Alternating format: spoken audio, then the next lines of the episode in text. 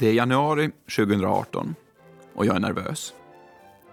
Jag har tagit plats på läktaren i EU-parlamentets plenisal och jag ser hur det sakta fylls upp av de över 700 EU-parlamentarikerna samtidigt som sålet i den stora salen bara blir högre och högre. I mer än två år nu har jag verkligen jobbat häcken av mig för att få till ett bra resultat i den här omröstningen. Och det är snart som det ska avgöras. Uppe vid podiet längst fram i salen kliver en av de frackklädda vaktmästarna fram och slår med sin stav hårt i marken två gånger. Il presidente! Salen tystnar snabbt och det är dags för omröstningen.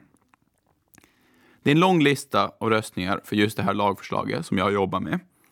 Men det som är viktigast och absolut avgörande, det kommer någonstans i mitten. Röstningarna rullar på. Talmannen ropar ut för, mot och varje gång talmannen säger någonting så lyfts hundratals händer upp i luften. Jag märker att vi vinner på vissa punkter och vi förlorar på andra. Men det är svårt att se någon tydlig tendens. Vi har ju kämpat i motvind ganska länge och vet att den stora gruppen av de konservativa är emot oss.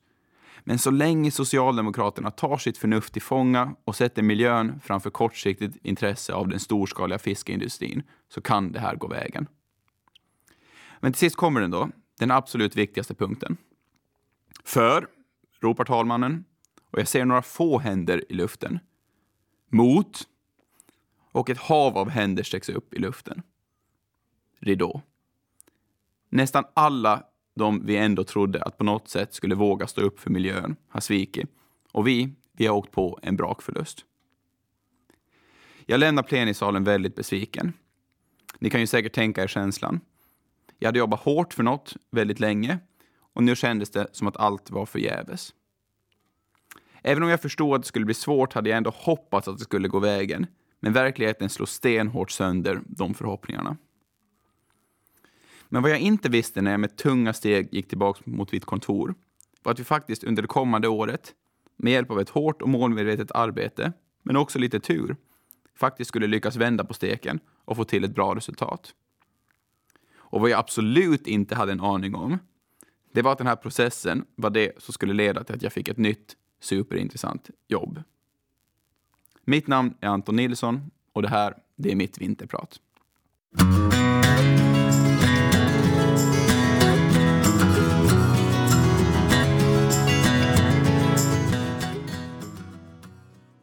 Det där var Lars Winnerbäck med Elegi. Och du är jättevälkommen till mitt vinterprat och jag heter som sagt Anton Nilsson. Efter mitt sommarprat var det många som sa att de gärna hade hört mer om vad som egentligen händer i EU. Finns det inga spännande historier eller sånt som hänt bakom kulisserna som du kunde berätta mer om?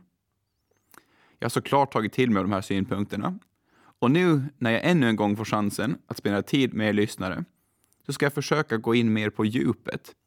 Försöka berätta min osensurerade och framförallt väldigt subjektiva bild av hur EU-lagstiftning verkligen går till i praktiken. Jag ska försöka ta er med under hela arbetet med ett lagförslag, från början till slut. Och häng med nu, för jag kan tänka mig att flera av er gäspar vid bara tanken på att spendera en och en halv timme av era liv på att höra mer om lagstiftningsarbete.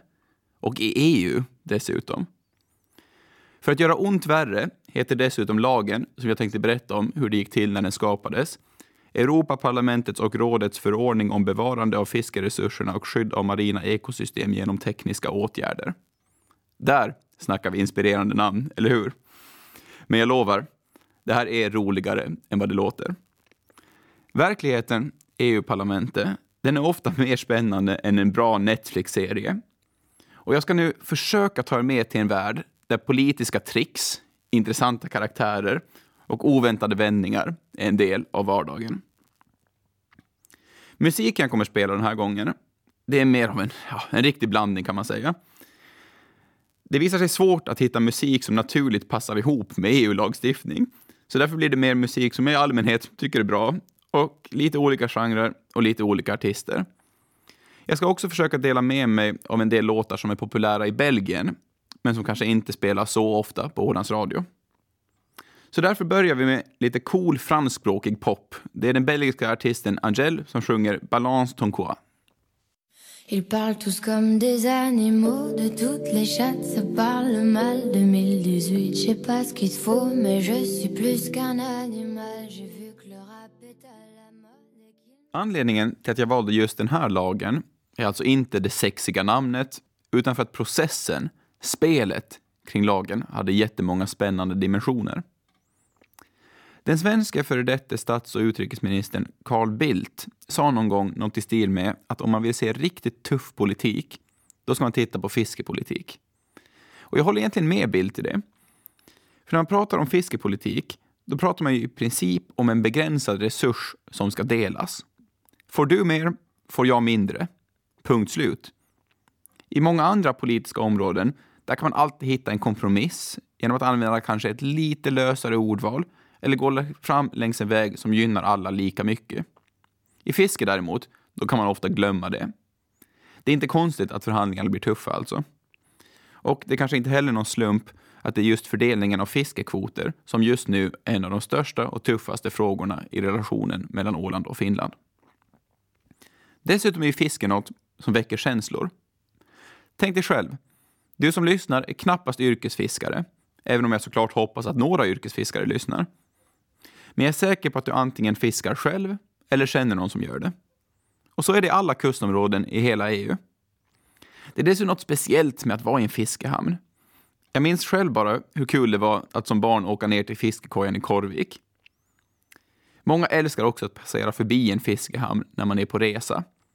Det är något speciellt med att äta nyfångad fisk vid havet. Vi har så många som har ett särskilt emotionellt band till fiske. Till och med vi som till vardags inte har så mycket med själva verksamheten att göra. Men innan vi går in på den här processen, det här politiska spelet jag lovar att prata om, ska jag bara ta en kort genomgång av hur EU-lagstiftning går till. Alla lagförslag kommer från EU-kommissionen. EU-kommissionen den består av cirka 30 000 tjänstemän. Det kan tyckas vara vansinnigt många, men det är faktiskt en rätt stor affär att ansvara för lagstiftning för över 500 miljoner människor. Bara i Londons stad till exempel arbetade fler tjänstemän än vad det gör på hela EU-kommissionen. Kommissionen leds av 28, eller ja, efter Brexit nu 27, kommissionärer. En från varje medlemsstat. När kommissionen sedan har skrivit ett lagförslag, då behandlas den av rådet och parlamentet. I rådet sitter medlemsstaternas regeringar och i parlamentet sitter de folkvalda Europaparlamentarikerna. Först behandlar rådet och parlamentet varje lagförslag på egen hand. Och när de har gjort det, då möts de i något som kallas trialoger tillsammans med kommissionen. Det är först när de här tre institutionerna kommer överens som vi har en ny EU-lag. Det är som ni hör en ganska tidskrävande process, men jag måste ändå säga att den är mer demokratisk än vad många tror. Om inte både regeringarna och Europaparlamentarikerna är överens, då blir det ingen ny lag.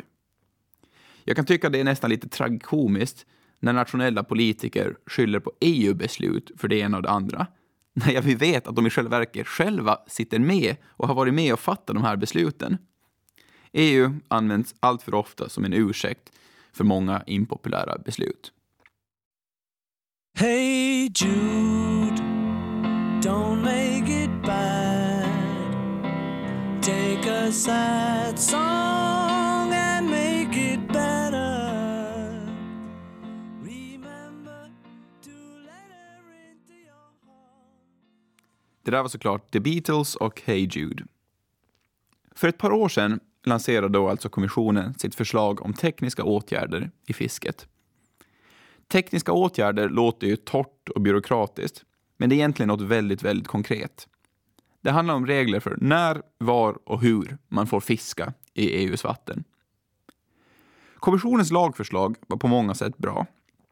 Tidigare har EU detaljreglerat mycket i fisket. På möten i Bryssel har politiker förhandlat om exakt hur många millimeter stor en nätmaska får vara när man ska fånga svärdfisk till exempel. Det här är något som, med rätta, har fått en hel del kritik. Nu föreslår kommissionen istället en helt ny approach. istället för att detaljreglera föreslår kommissionen nu att de olika länderna med fiske i ett visst område ska få bestämma själva vilka åtgärder som ska tas i en mycket högre utsträckning än tidigare. Alltså, de som faktiskt befann sig på plats skulle fatta beslut utan att behöva ta hänsyn till detaljreglering från Bryssel. Men samtidigt, för att säkerställa att det fortfarande rådde jämna villkor, rättvisa spelregler runt om i EU, så skulle alla jobba mot samma mål.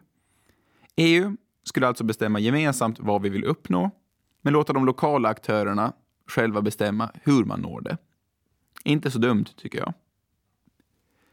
När kommissionen publicerade sitt förslag 2016, då började arbetet i parlamentet. Det första som sker det är att det ansvariga utskottet väljer en huvudförhandlare. Och I det här fallet valdes den konservative spanjoren Mato till att leda förhandlingarna. Redan när, redan när vi såg det började vi ana oro. Och när jag i fortsättningen säger vi eller oss, då menar jag förhandlingsteamet i vår partigrupp, mittengruppen. Men alltså, Mato från de konservativa kommer från Kanarieöarna och han är känd, eller snarare ökänd, för att alltid stå på det storskaliga industrifiskets sida. Det fanns alltså en hel del som tydde på att han skulle göra allt för att få till ett lönsamt storskaligt fiske. Något som ofta då kan ske både på miljöns och på det småskaliga fiskets bekostnad. Och vi fick rätt. Redan från början tog processen en rätt konstig vändning. Istället för att som vanligt publicera sina egna förslag och sedan be de andra Europaparlamentarikerna om ändringsförslag presenterar Mato här ett nytt arbetssätt. Han ville börja med att under nästan ett års tid hålla en mer allmän diskussion i utskottet om lagförslaget. Snacka om att det kliar i kroppen för oss effektiva nordbor när vi hörde om det här. Att huvudförhandlaren ville börja med en lång tid av den här ja, allmänna diskussionen innan det verkliga arbetet kunde ta plats berodde väl kanske till viss del på att de har en annan politisk kultur i Spanien där man gärna låter processer ta lite tid och prioriterar att alla ska få säga sitt, gärna i långa ordalag, innan man går vidare. Men det fanns antagligen också rent taktiska orsaker. Mato, som är riktigt skicklig och smart politiker, han förstod antagligen att det fanns risk att de nya reglerna skulle bli mer miljövänliga och således tuffare för det storskaliga fisket och således dyrare att följa. För varje dag som gick utan att de nya reglerna trädde i kraft skulle alltså det storskaliga industrifisket kunna tjäna mer pengar och det här skulle allt vara tack vare deras skicklige representant i Europaparlamentet. Nästa låt det är av den franska artisten Manu Chao och han sjunger ofta både på franska, spanska, arabiska, portugisiska och engelska i samma låt. Och här kommer ett exempel på det.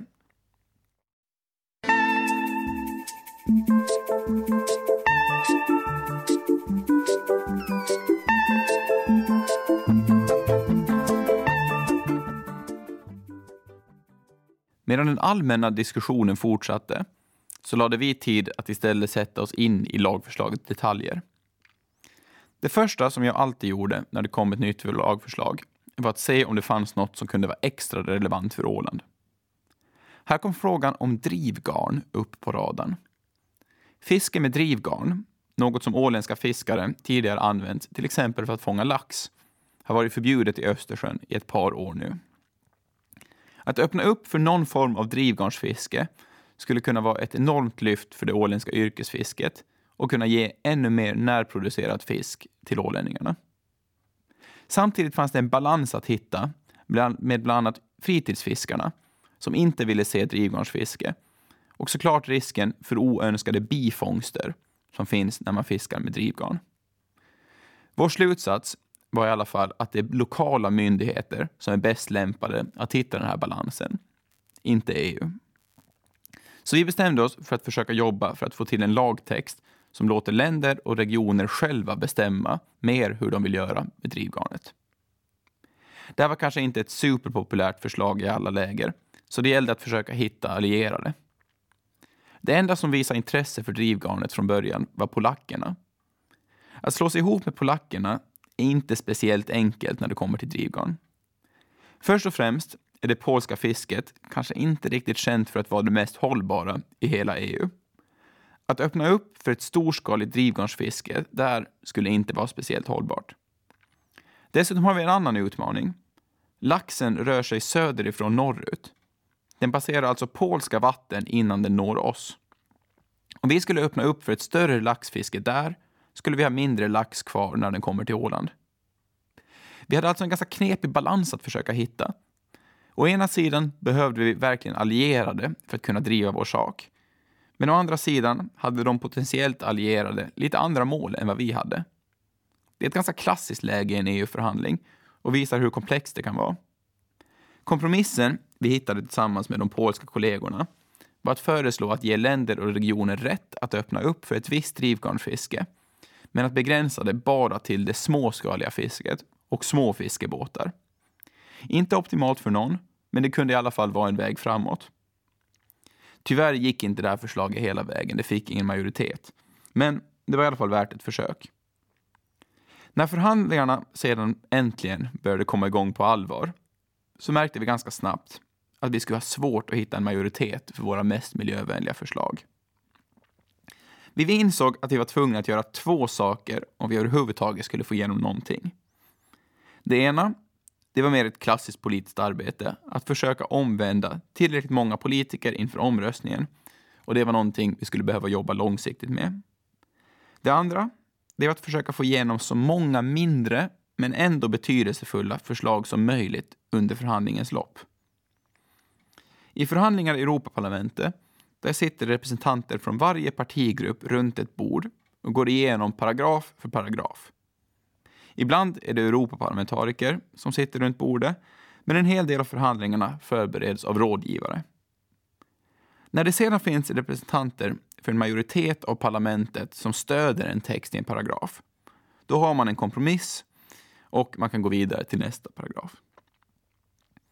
Nästa låt, det är Hovet och Veronica Maggio som sjunger om en plats som jag, äh, ärligt talat, knappt alls hängde på när jag bodde i Stockholm. Men strunt samma, det är en bra låt. Du var varje sommarnatt en utefest i Hornstulls strand Jag tänker på dig nu ibland och undrar hur det blev med Du lyssnar på Vinterprat i Ålands Radio med mig, Anton Nilsson. Eftersom vi snabbt såg att det skulle kunna vara svårt att få majoriteter direkt så insåg vi att vår enda chans var att kunna mer om innehållet än någon annan. Har du inte majoritet får du försöka använda goda argument istället. Lite som droppen som till sist urholkar stenen, om ni förstår vad jag menar. Sagt och gjort, vi läste på som tusan. Vi pratade med fiskar och miljöorganisationer från olika delar av EU, pratade med kommissionens experter och tjänstemän från de olika medlemsländerna. Sedan gick vi in i förhandlingarna och ifrågasatte varenda förslag som kom från de andra partigrupperna som verkade dåligt. Inte ett enda kommatecken släpptes igenom utan vettiga argument bakom. Det här var bevisligen ordentligt frustrerande för våra kollegor som trodde att det här skulle bli en enkel match att trycka igenom lagen. Och jag fick på kuppen lära mig ett nytt spanskt ord. Toca cojones. Det betyder tydligen direkt översatt att man ja, petar på en mans mer intima delar. Och det var det vi skämtsamt anklagades för att göra av våra spanska kollegor. Tänk att man får lära sig nya språk på köpet ibland. Utöver att steg för steg, punkt för punkt, försöka förbättra förslaget så fortsatte vi att arbeta för att möjligen kunna få till en majoritet för de viktigaste delarna när det hela sedan skulle upp för omröstning i plenum. Läget det var ungefär så här. Vi visste att den gröna gruppen och mittengruppen, som jag jobbade för, skulle väldigt långt vara inne på samma linje och därför jobbar vi också nära dem. De gröna, de har många förtjänster, men de ses också som väldigt radikala. Därför gällde det att vara smarta om vi skulle få till en bredare majoritet. I samarbete med de gröna försökte vi därför positionera oss så smart som möjligt under förhandlingarna. De gröna fick komma med ett mer radikalt förslag och vi fick komma med något mer realistiskt. Tanken var att det skulle vara lättare för de stora partierna att stödja ett förslag från mittengruppen än ett från de gröna. För vissa delar tror jag faktiskt den här strategin lyckades. Den största gruppen, de konservativa, som i det här fallet leddes av spanjoren Mato, fanns det inte jättemycket att göra åt. Vi pratade såklart med våra nordiska kollegor som röstade mot den konservativa gruppens linje, men i övrigt fanns det inte jättemycket att göra. I Socialdemokraterna, den näst största gruppen, där såg vi däremot en möjlig öppning. Den gruppen har ett lite större fokus på miljöfrågor, i alla fall i sin retorik. Därför tyckte vi det var märkligt att den italienska Europaparlamentariker som ledde förhandlingarna för deras räkning inte förde en speciellt miljövänlig politik. Vår analys var att det inte fanns tillräckligt med uppmärksamhet på frågan och att de därför kunde arbeta i det tysta. Om fler av deras väljare visste vilken politik de faktiskt förde i EU skulle de kanske tvingas ändra sig. Men hur ska vi kunna göra det? Hur ska vi kunna få upp uppmärksamhet för det här? Ah, ett pressmeddelande till Ålands Radio hade kanske inte direkt fått en italiensk politiker att darra. Till sist kom vi på en idé. Vi bokade ett möte med några av de största miljöorganisationerna i Bryssel och berättade ingående om läget. Några dagar senare började italienska miljöorganisationer att titta närmare på förhandlingarna och Twitter fylldes med frågor på italienska om vilken linje Socialdemokraterna egentligen förde i fiskepolitiken. Det ska sägas att det här inte ledde till någon radikal kursändring i de viktigaste frågorna. Men det ledde i alla fall till att de började stödja några åtgärder som syftar bland annat till att minska bifångst av till exempel delfiner och sköldpaddor i Medelhavet. Vackert så. Nästa låt, den heter Logiskt och jag tror Petter och säkert är något på spåret. Ibland då är det bara så förbaskat logiskt att alla fattar utom du själv.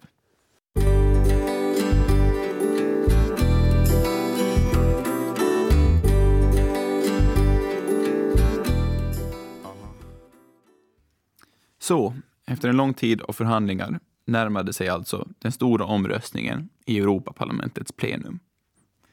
Vår strategi var att lägga fokus på den absolut viktigaste frågan enligt oss. Den om att ha tydliga målsättningar på EU-nivå. Om reglerna ser olika ut på olika platser måste det i alla fall säkerställas att alla jobbar åt samma håll och att alla faktiskt försöker förbättra situationen. Annars har vi en orättvis konkurrens och miljön riskerar att ta skada i de områden där länder inte är speciellt ambitiösa.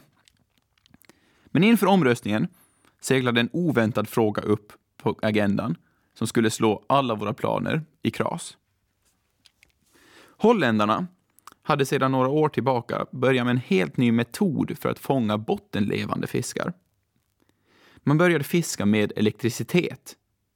Ja, ni hör hur det låter. El och vatten, sällan en bra kombo. Men i ärlighetens namn var det här kanske inte så tokigt. Det traditionella sättet att fiska med trål är att man drar en tung kedja längs botten för att få upp fiskarna för att sedan låta fånga dem i nätet. Det kan både vara skadligt för havsbotten och det drar mycket bränsle som leder till stora utsläpp. Det holländarna gjorde istället för att dra den här tunga kedjan var att man lät elektroder gå över havsbotten och skicka ut elektriska pulser. De här pulserna fick fiskarnas muskler att spännas och således åkte fisken upp från havsbotten så att den kunde fångas. Det här menade holländarna att var mycket mindre skadligt för havsbotten och det krävde mindre bränsle. Alla höll dock inte med. Många länder var mycket upprörda och framförallt en fransk miljöorganisation protesterade. De startade en stenhård kampanj mot pulsfisket. Våra mailboxar fylldes och deras lobbyister gick runt till vartenda kontor i hela Europaparlamentet för att lobba för sin sak. En dag när jag är på väg till jobbet ligger det till och med ett tjog människor på marken utanför Europaparlamentet och skakar som att de hade fått en elektrisk stöt. Allt för att illustrera hur bedrövligt de tyckte pulsfisket var. Den här kampanjen tog verkligen skruv och mitt i allt var pulsfiske det enda folk pratade om. Kollegor kunde ringa mig och fråga om det var jag som jobbade med pulsfiskelagen. Det här det var djupt frustrerande. Lagen vi jobbar med den täckte ju varenda en av EUs fiskebåtar och bara mindre än 0,1 procent av dem använde pulsfiske. Snacka om att sila mygg och svälja kameler.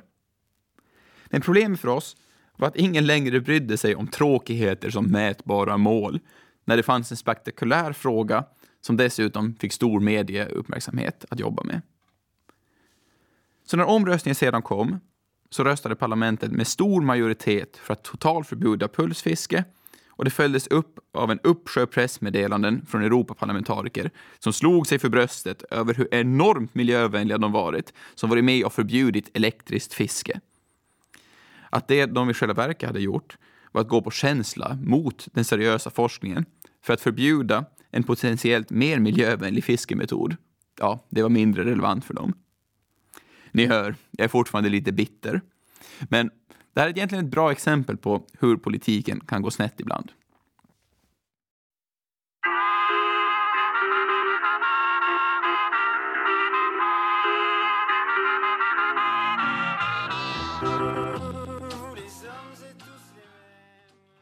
Det där var den belgiska artisten Stromae som sjöng Tous les mêmes. De är alla likadana. Men då är vi alltså tillbaks där vi började. Där jag, efter att ha sett oss förlora omröstningen, går tillbaka mot kontoret med tunga steg. Vi hade en text framför oss helt utan konkreta mål på EU-nivå. Om det här gick igenom skulle vi kunna se en sämre miljö de kommande åren och en orättvis konkurrens mellan det småskaliga och det storskaliga fisket. Läget var alltså inte bra, men det var inte helt över. Som jag berättade tidigare, innan ett lagförslag blir färdigt ska det förhandlas mellan parlamentet, de nationella regeringarna i rådet och kommissionen. Rådet såg tyvärr lika hopplöst ut som parlamentet. Men kommissionen hoppades vi ändå att skulle stå upp för sitt förslag som innehöll tydliga mål. Men vi var ändå oroliga. För kommissionens del är det alltid viktigt att få igenom en deal och det är dessutom möjligt för parlamentet och rådet att helt köra över kommissionen. Det enda kommissionen kan göra, om de inte är överens, det är att dra tillbaka sitt förslag helt och hållet. Att inte få igenom ett lagförslag man har jobbat med i flera år skulle såklart vara en prestigeförlust för alla politiker. Och vi räknar med att inga Europaparlamentariker skulle vilja se det hända, speciellt eftersom ett nytt EU-val var på kommande snart. Målet var alltså tydligt. Vår enda chans var att kommissionen skulle hota med att dra tillbaka hela förslaget om det inte kom med någon form av konkreta mål. Att dra tillbaka ett förslag, det är något kommissionen gör väldigt sällan och det är väldigt känsligt rent politiskt. Så därför insåg vi att ett sådant beslut behövde fattas på högsta möjliga politiska nivå, alltså av kommissionären själv. Därför började vi med ett ganska ordentligt påverkningsarbete. Vi skrev debattartiklar i Bryssel Media och gjorde stort nummer av ett brev som skickades till kommissionären. Vi lyckades få undertecknare från alla de stora partigrupperna för brevet och det tog ganska bra spinn i media. Till sist meddelade kommissionen precis det vi hade hoppats på. Om inte parlamentet och rådet inkluderar mätbara mål så kommer de dra tillbaka förslaget. Det här det var en så kallad game changer som ändrade spelplanen ganska mycket. Nu hade vi faktiskt en chans att reda upp den här röran och få till en fungerande lagstiftning. Att gå tillbaka till de ursprungliga idéerna, det var kanske inte politiskt möjligt. Så nu handlade det om att tillsammans med kommissionen hitta ett nytt sätt att få in mätbara mål. Det här var en period som jag arbetade mycket nära kommissionen och tjänstemännen där. Något som skulle kunna få sina konsekvenser för mig personligen. Men till sist lyckades vi alltså få fram ett nytt mätinstrument som skulle bli accepterat av alla. Jag ska spara er detaljer, men det tog nästan ett år att lyckas. Men så en sen kväll, runt 2.30 på natten i Strasbourg, nådde vi till sist en deal. Det var ett lagförslag som faktiskt lyckades precis med det vi ville ha från början, tre år tidigare. Ett system som ger de som faktiskt arbetar med fiske på daglig basis ett större inflytande, men som samtidigt inte riskerade att skada havsmiljön. Över tre års arbete var alltså klart och resultatet var efter omständigheterna okej. Okay. Vi hade inte revolutionerat världen kanske, men jag vill ändå hävda att det arbete vi gjorde haft stor betydelse. Det går att påverka i EU. Även om vi hade allt mot oss under stora delar av förhandlingarna så kunde vi ändå kliva ut med ett resultat. Det tycker jag är ganska häftigt.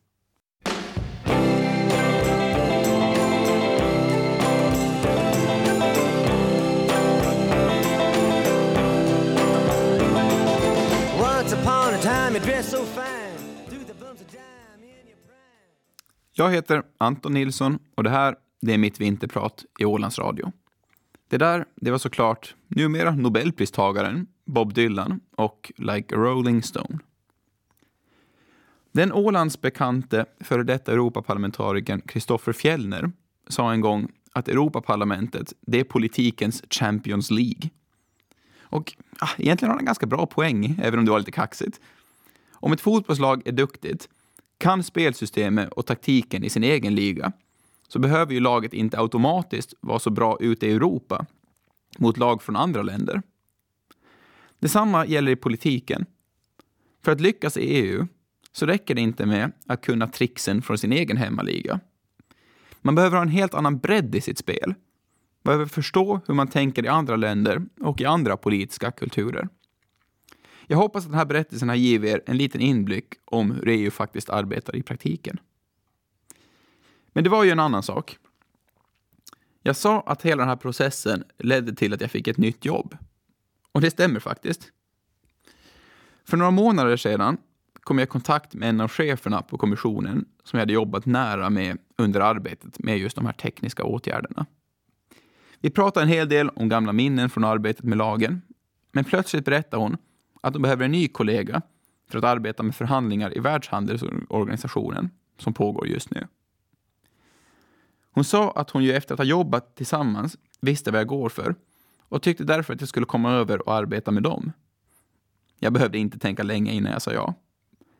Det är en mycket häftig möjlighet att få arbeta i EU-kommissionen och jag tror jag kommer kunna lära mig mycket. Ska man förstå EU så måste man förstå kommissionen. Och det är inte alltid lätt att få ett jobb där. Speciellt nu i brexit-tider när EUs budget minskar och personalen sannolikt snarare måste skäras ner. Jag har alltså en riktigt spännande tid framför mig med ett nytt jobb. Och allt är på ett sätt tack vare en lång och ganska hopplös process kring ett lagförslag. På ett sätt är det alltså kanske Mato jag ska tacka för det här. Hade inte han varit så här envis och gjort mitt liv svårt under ett par år så hade jag inte haft det här nya jobbet. Så kan det alltså gå. Här kommer Robin och Be Mine. It's a good thing tears never show in the pouring rain As if a good thing ever could make up for all the pain There'll be no last chance, I promise to never mess it up again På EU-kommissionen arbetar man i olika avdelningar. På fint EU-språk heter de generaldirektoriat. Jag kommer att arbeta med det som hanterar alla havsfrågor. Just nu jobbar jag som sagt med förhandlingarna om fiskesubventioner i Världshandelsorganisationen, WTO. Det är superintressant för en ekonom från en ö att både jobba med handel och fiske på samma gång. Dessutom är det intressant att arbeta med Världshandelsorganisationen, där du inte bara behöver förhandla med, inom EU, utan också med resten av världen. Det är faktiskt spännande att se hur allt från utvecklingsländer i Afrika till stora länder som USA och Kina agerar internationellt. Det här är dock bara tillfälligt och när de är klara så kommer jag mest att jobba med maritim säkerhet. Det är ett brett fält som rör många olika områden. Transport och sjöfart såklart, men också tull, gränssäkerhet och försvar. Till skillnad från fiske till exempel, där EU-lagar styr det mesta, är maritim säkerhet främst nationell kompetens. Men EU har en samordnande roll. Och visst finns det många fördelar med att arbeta tillsammans också här. Sjöfarten den är ju per definition internationell och ju mer vi kan samarbeta, desto bättre. Kommissionen är som jag tidigare berättat en riktigt stor organisation där tusentals människor arbetar. Det är inte lätt att komma in i kommissionen och det är varje år tusentals som söker de få platser som finns. För att få ett fast jobb där måste man utöver vanliga intervjuer också klara ett antal tester i allt från matematik till textförståelse till logiskt tänkande. Många som jobbar på kommissionen är jurister eller ekonomer, men det finns också folk med helt andra bakgrunder, såsom ingenjörer och biologer. Såklart kommer folk som jobbar där också från helt olika delar av EU. Det är egentligen en ganska häftig känsla när jag tänker på det, att när jag sitter på möten kan jag ibland inse att vi kan vara tio personer runt bordet med tio olika nationaliteter. Man pratar ofta om EU som ett fredsprojekt. Och när man är inne på kommissionen känner man faktiskt av det rent konkret i luften. Att tänka sig att det för inte länge sedan rådde krig mellan länder vars medborgare nu jobbar tillsammans för gemensamma projekt och med gemensamma mål, det är egentligen otroligt. Den svenska politikern Marit Paulsen sa inför en valrörelse att det är bättre att vi skickar byråkrater än soldater till Europa. Och det har Marit väl ändå rätt i. Här kommer Lerita Mitsuko med låten Marcia Baila. Det var min franska lärares favoritlåt. Och visst svänger den.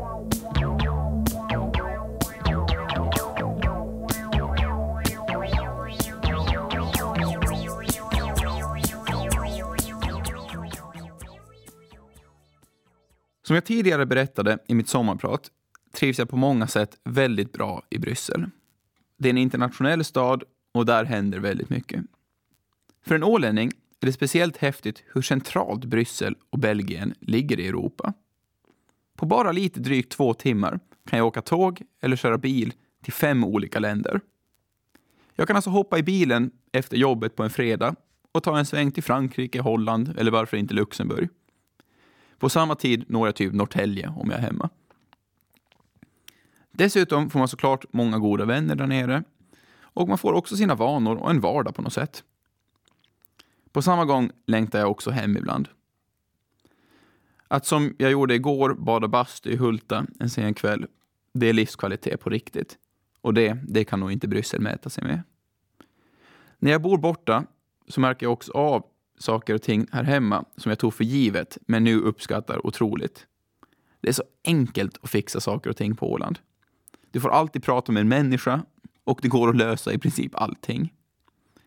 De korta avstånden på Åland är också underbara. Jag tror det gör att ålänningar har mer tid att leva än många andra.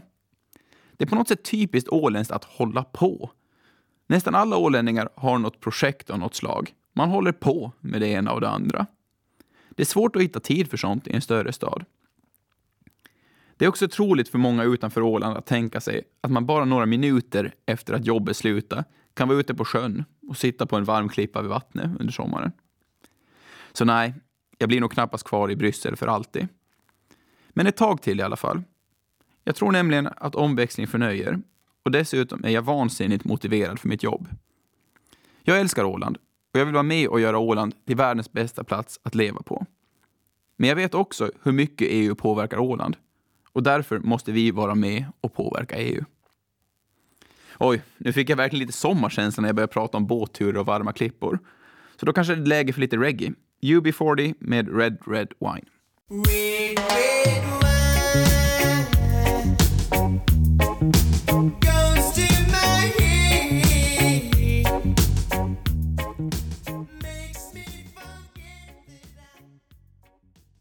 Mitt namn är Anton Nilsson och det här har varit mitt vinterprat i Ålands Radio.